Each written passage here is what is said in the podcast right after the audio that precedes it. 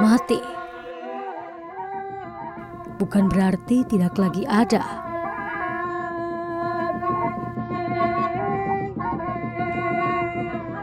Terkadang lewat dingin tubuhnya, kehadiran jiwanya masih hangat terasa. Mereka percaya bahwa ini bukanlah akhir dari kehidupan, hanya proses perpindahan dari dunia menuju Puya, tempat alam roh beristirahat.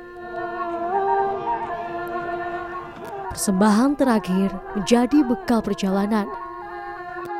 Kerbau kelima hari ini. Saya nggak tahu udah berapa kali saya ngomong pusing karena wangi darah, bau darahnya kecium.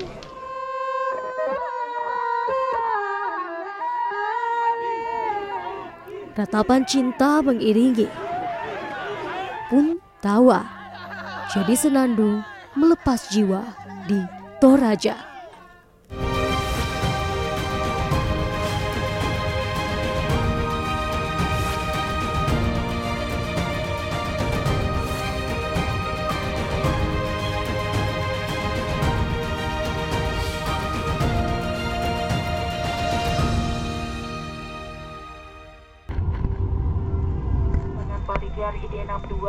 Dengan tujuan Makassar.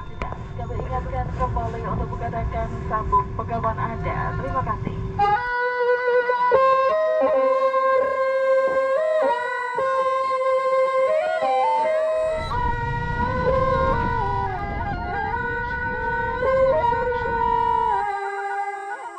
Melintasi awan dan bebatuan, saya datang untuk mencari makna kematian bagi masyarakat suku Toraja. Setiap orang punya cara tersendiri mengartikan kematian.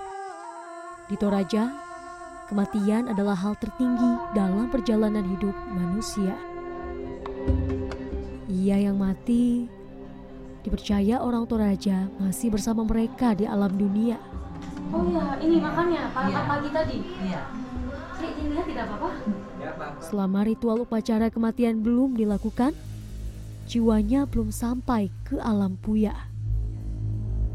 Mereka diperlakukan sama seperti saat hidup, hanya sedikit berbeda, seperti orang sakit. Saya pun menjenguk salah satu jenazah yang baru meninggal dua minggu lalu. Ibu tidur di mana, Bu? saya tidur di sana Jadi, anak saya tidur di sini anak tidur di sini iya orang Toraja berkata salah satu pembuktian kesetiaan dan cinta keluarga adalah saat sudah meninggal. Istri dan anak tidur bersama sama seperti semasa hidupnya. Sendiri pun di kamar ya masih bicara-bicara sama dia. Masih ngobrol? Iya saya selalu ngobrol sama dia. Ngobrol apa? Kalau ada sesuatu saya tanya saya minta pendapat. Tapi uh, sekarang setelah beliau pergi sepertinya apa dia ada di hati saya. Jadi kalau saya bicara hati saya satu yang jawab. Menjawab sendiri. Tapi saya yakin itu dia. Pertanyaan kecil hingga keputusan besar bunga utarakan termasuk untuk upacara kematian suami terkasih nanti. Rambu Solo.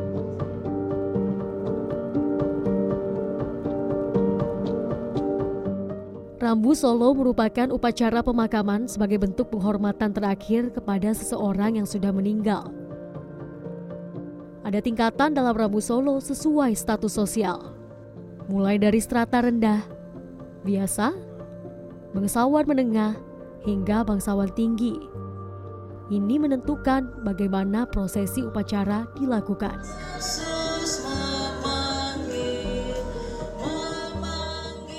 Jika dibandingkan di daerah lain, upacara kematian di Toraja bukan sedikit berbeda, tetapi banyak. Sering disebut sebagai upacara kematian termahal sedunia. Saya pun melihat lebih dalam dengan hadir dalam pemakaman strata tertinggi untuk Puang CB Batara di Tongkonan Singki, Desa Marinding, Kecamatan Mengkendek, Tanah Toraja.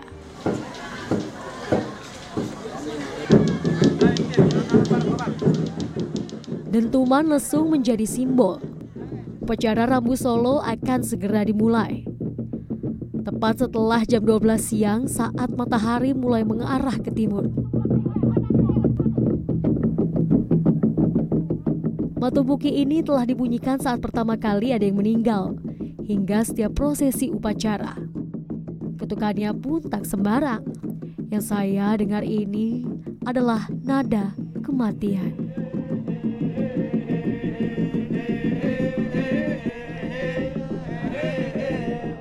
Sama halnya dengan ritual Mabadong yang saya ikuti ini, hanya ada saat upacara kematian. Jari kelingking terikat dengan kelingking lainnya, membentuk lingkaran dengan gerakan tari sederhana yang berpola. Lantunan nyanyian puisi bahasa Toraja, sahut menyahut, bergema indah.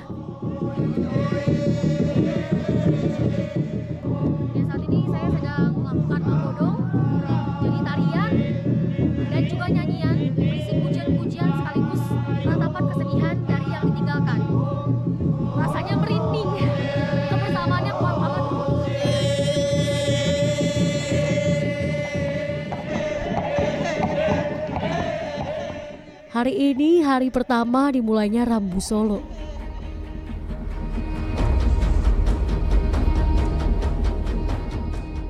Sebelum jenazah di kamar akan dipindahkan ke lumbung, maka radusan atau ritual pemotongan dua kerbau dilakukan.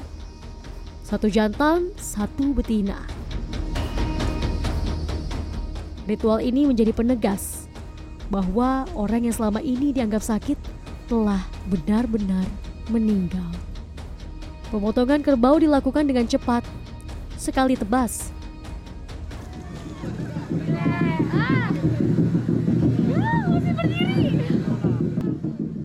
Pemandangan ini ternyata harus saya lihat terus nantinya. Total, lebih dari 40 kerbau sudah disiapkan. Kerbau-kerbau ini dimaksudkan sebagai bekal untuk mendiam, untuk tunggakannya di alam puya.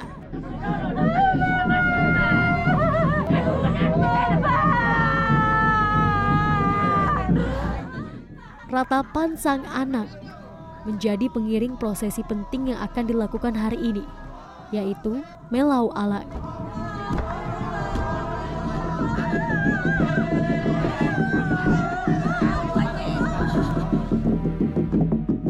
Jenazah akan diletakkan di sini selama tiga hari hingga prosesi selanjutnya dilakukan.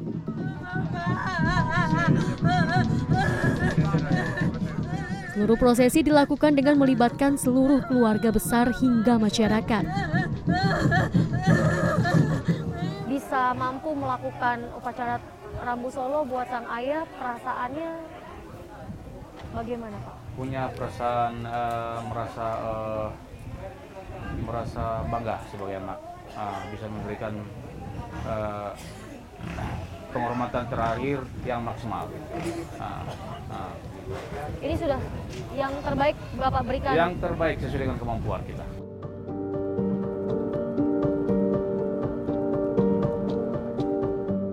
Tradisi Rambu Solo sendiri sudah ada sejak nenek moyang suku Toraja masih menganut agama Aluk Todolo. Saya pun mengunjungi salah satu tetua Toraja untuk mencari tahu lebih dalam. Ritual sudah ditetapkan sesuai agama Aluk Todolo. Namun kini penyesuaian dilakukan sesuai agama yang dianut pelaksana. perlakuan sekarang ini sudah banyak yang dilaksanakan secara agama Kristiani bahkan agama Islam pun karena banyak peng eh, oknum daerah ini sudah masuk ke agama lain. Sudah jarang sekali tinggal di dalam ajaran nenek moyang seperti kami ini ya masih masih tinggal dalam Al-Qur'an perbedaannya banyak sekali. Kalau Olu Todolo memakai meletakkan sirip pinang bahkan mempunyai sesajen. Tapi kalau agama sekarang tidak perlu. Kini Aluk Todolo tak lagi banyak dianut masyarakat Toraja. Setiap daerah di Toraja pun memiliki cara berbeda-beda dalam melakukan rambu solo. Namun, satu yang menyatukan semuanya, yakni cinta budaya. Dulu waktu uh, leluhur kami itu nyatu antara aluk dengan adat. Antara agama leluhur kami itu nyatu. Belum bisa dipisahkan. Nah, begitu datang agama Samawi, datang Islam, datang Kristen, uh, mereka tidak menghilangkan uh, tradisi dan adat ini, tidak mereka tidak hilangkan. Tetapi um, ada alkulturasi di situ. Jadi hal-hal yang berbau katakanlah mungkin berhala, Eh, yang mengacu ke penyembahan penyembahan berhala, mungkin yang membawa musyrik dalam dalam muslim itu sudah dihindari.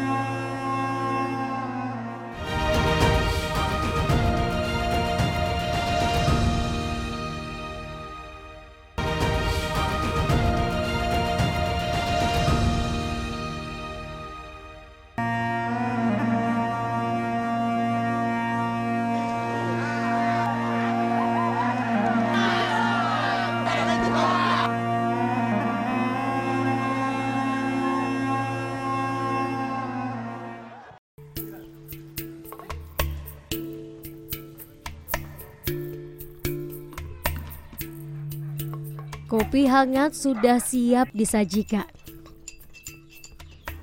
Tapi bukan untuk saya, melainkan untuk sang ayah yang merupakan salah satu pemegang adat di kawasan Marinding. Ya, jenazah lainnya.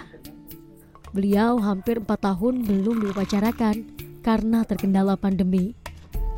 Sambil menyiapkan sarapan, kami berbincang ringan terkait kewajiban pelaksanaan upacara adat Rabu Solo bagi masyarakat Toraja. Sebagai ketua adat di sini ada iya. tuntutan-tuntutan tertentu juga nggak sih Pak? Memang harus diadakan secara besar-besaran Rabu Solonya? Tergantung kesepakatan keluarga. Mau besar boleh, mau tengah-tengah boleh. Bisa. Rencananya ini bagaimana Pak? Besar atau tengah-tengah? Nanti kesepakatan keluarga. Jadi memang belum bisa diputuskan ya? Belum. Iya. Tapi harus tengahnya kita ambil sekarang. Artinya sudah direncana tengahnya. Tapi kalau masih ada keluarga mau kasih naik ya silakan saja, tidak apa-apa. Sesuai adat Aluk Todolo, jumlah kerbau yang disembelih untuk kaum bangsawan adalah sebanyak 24 ekor. Namun kini seiring perkembangan zaman, tak jarang Rambu Solo mengorbankan hingga ratusan kerbau. Kerbau berasal dari gotong royong keluarga hingga kerabat.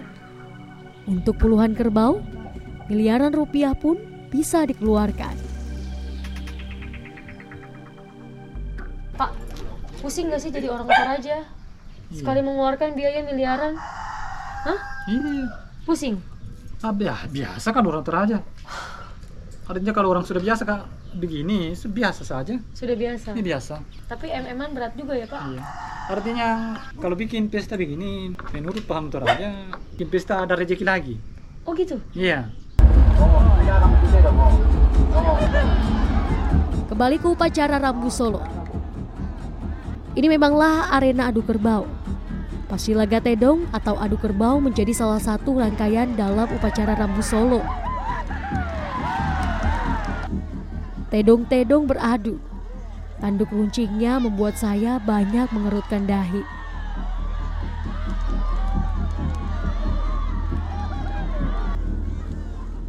Luka di perut Tedong karena tanduk lawan terlihat dari kejauhan.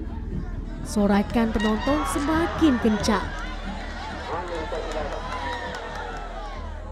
Adu kerbau dalam Rabu Solo dimaksudkan untuk menghibur masyarakat selama upacara berlangsung sebelum nantinya kerbau akan dikurbankan.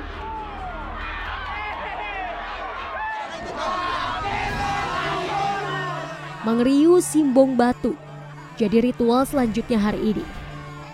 Hanya kelas bangsawan yang dapat melakukan ritual ini.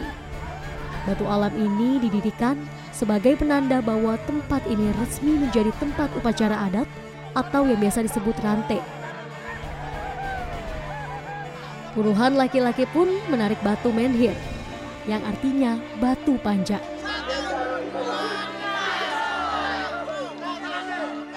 Dengar mereka berteriak bersama.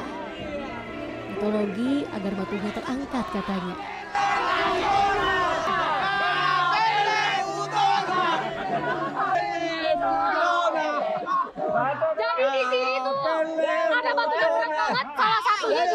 Kalau batunya bisa ditarik syaratnya harus bicara kotor. Jadi bicara kotor pakai bahasa Toraja supaya batunya Iya, itu memang, memang betul itu kalau Gitu? batu begini. Oh gitu, aduh.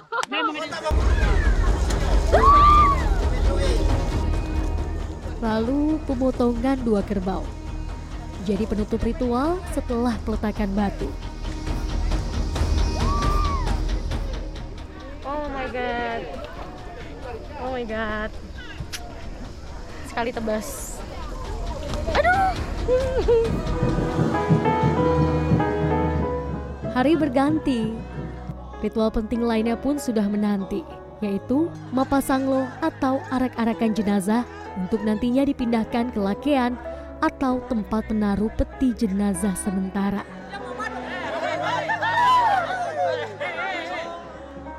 Jenazah diletakkan di dalam keranda khas Toraja dan diarak ratusan orang. Semangat dan raut bahagia tergambar di wajah mereka. Ini kalau kayak gini ya tadi yang diomongin apa yang diteriakin? Dia bilang, hei, kurang semangat malam mesin ini. Oh, jadi dia teriakin saja supaya semangat saja? Iya.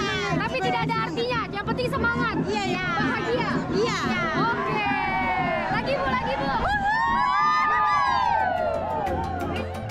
Jenazah pun diarak keliling kampung.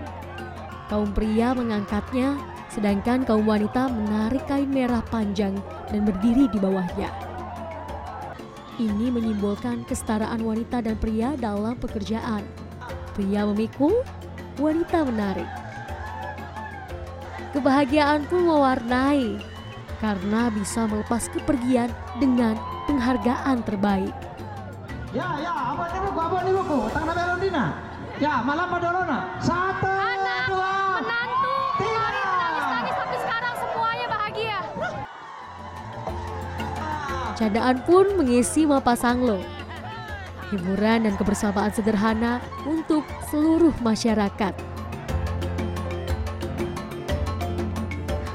berada di tengah-tengah acara Rambu Solo ini pengalaman luar biasa buat saya karena benar-benar merasakan dentuman, gong, mendengarkan lantunan-lantunan bacaan Toraja tertinggi yang bahkan saya nggak mengerti maknanya tapi sampai pesannya sedih, benar-benar bahagia, tegang jadi satu.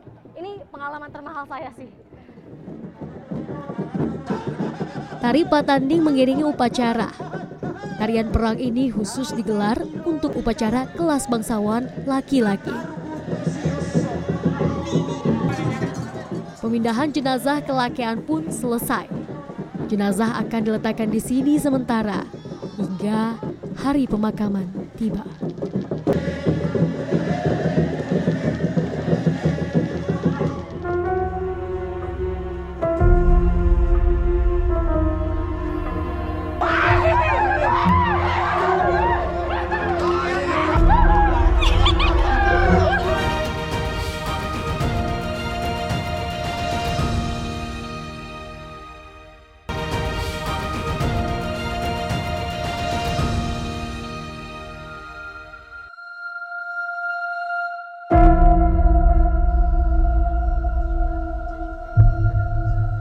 Pemakaman suku Toraja berbeda dengan pemakaman pada umumnya. Agama Aluk Todolo mengajarkan bahwa jenazah harus dimakamkan di gua, batu, patone, hingga di pohon.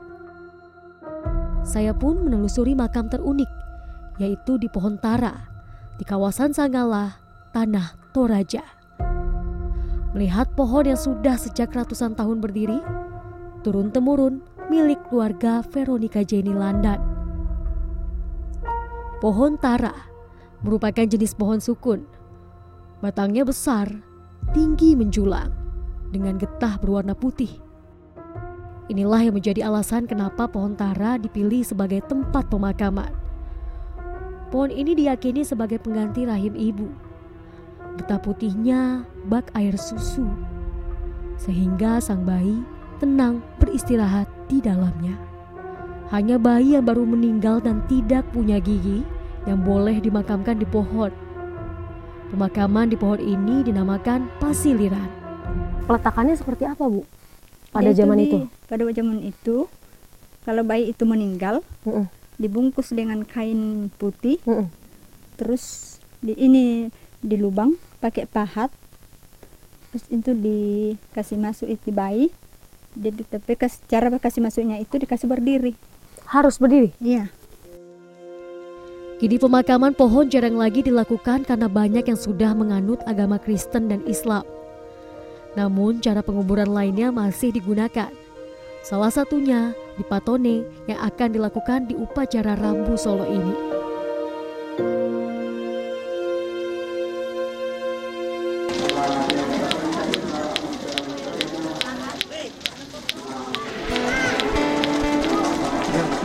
Hari sebelum pemakaman adalah hari-hari menerima tamu secara adat.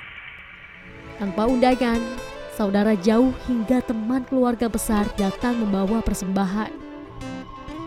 Meja penerimaan dan pencatatan tamu sudah ramai dikunjungi.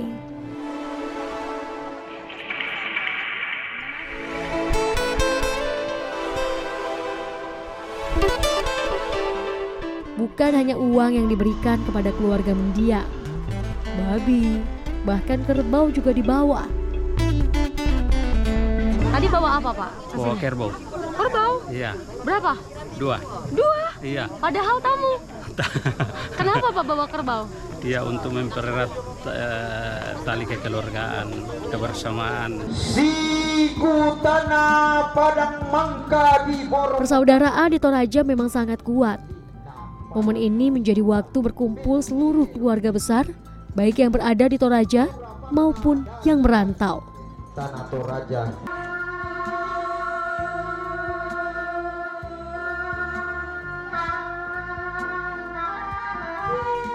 Pelaksanaan upacara pun digelar dengan bergotong royong, mulai dari menyumbang tenaga hingga menyumbang kerbau. Saya dari Amerika bulan Oktober tanggal 20. Saya merasa wajib ya sebagai tanda karena ini kami melaksanakan adat ya. Sebagai eh, har- eh, merasa wajib berpartisipasi. Kami orang Toraja itu kalau bersaudara kayak gitu ya, kami tidak panggil om tapi kami panggil bapak. Kembali, pemotongan kerbau dilakukan. Kali ini ada 10 ekor kerbau yang akan dikorbankan. Termasuk di antaranya ada kerbau belang yang harganya mencapai 300 juta rupiah sebagai syarat untuk upacara Rambu Solo kelas tinggi.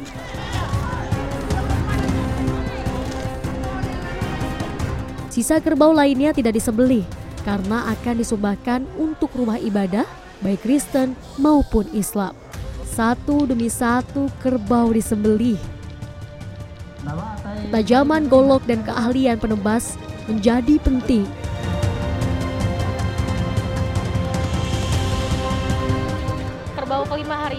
Saya nggak tahu udah berapa kali saya ngomong pusing karena wangi darah, bau darahnya kecium. Kosoki, kosoki. Istri sendiri ya Allah.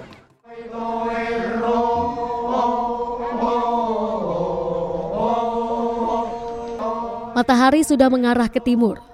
Ritual terakhir Mapaliang akan dilakukan hari ini.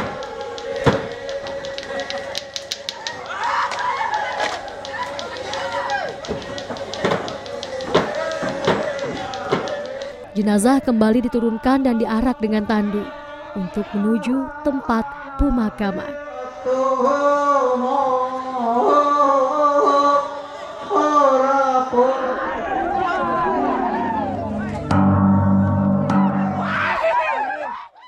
Lagi, Kebahagiaan jadi pelepas kepergian. Sambil membawa foto Puang JB Batara, salam-salam pun disampaikan dari sanak saudara untuk yang sudah mendahului di alam puya. Oh, titip salam buat suami.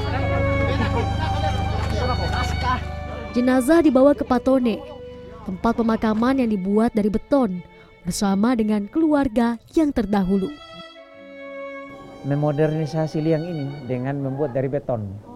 Buat dari beton seperti rumah dan di situlah kumpul satu rumpun keluarga.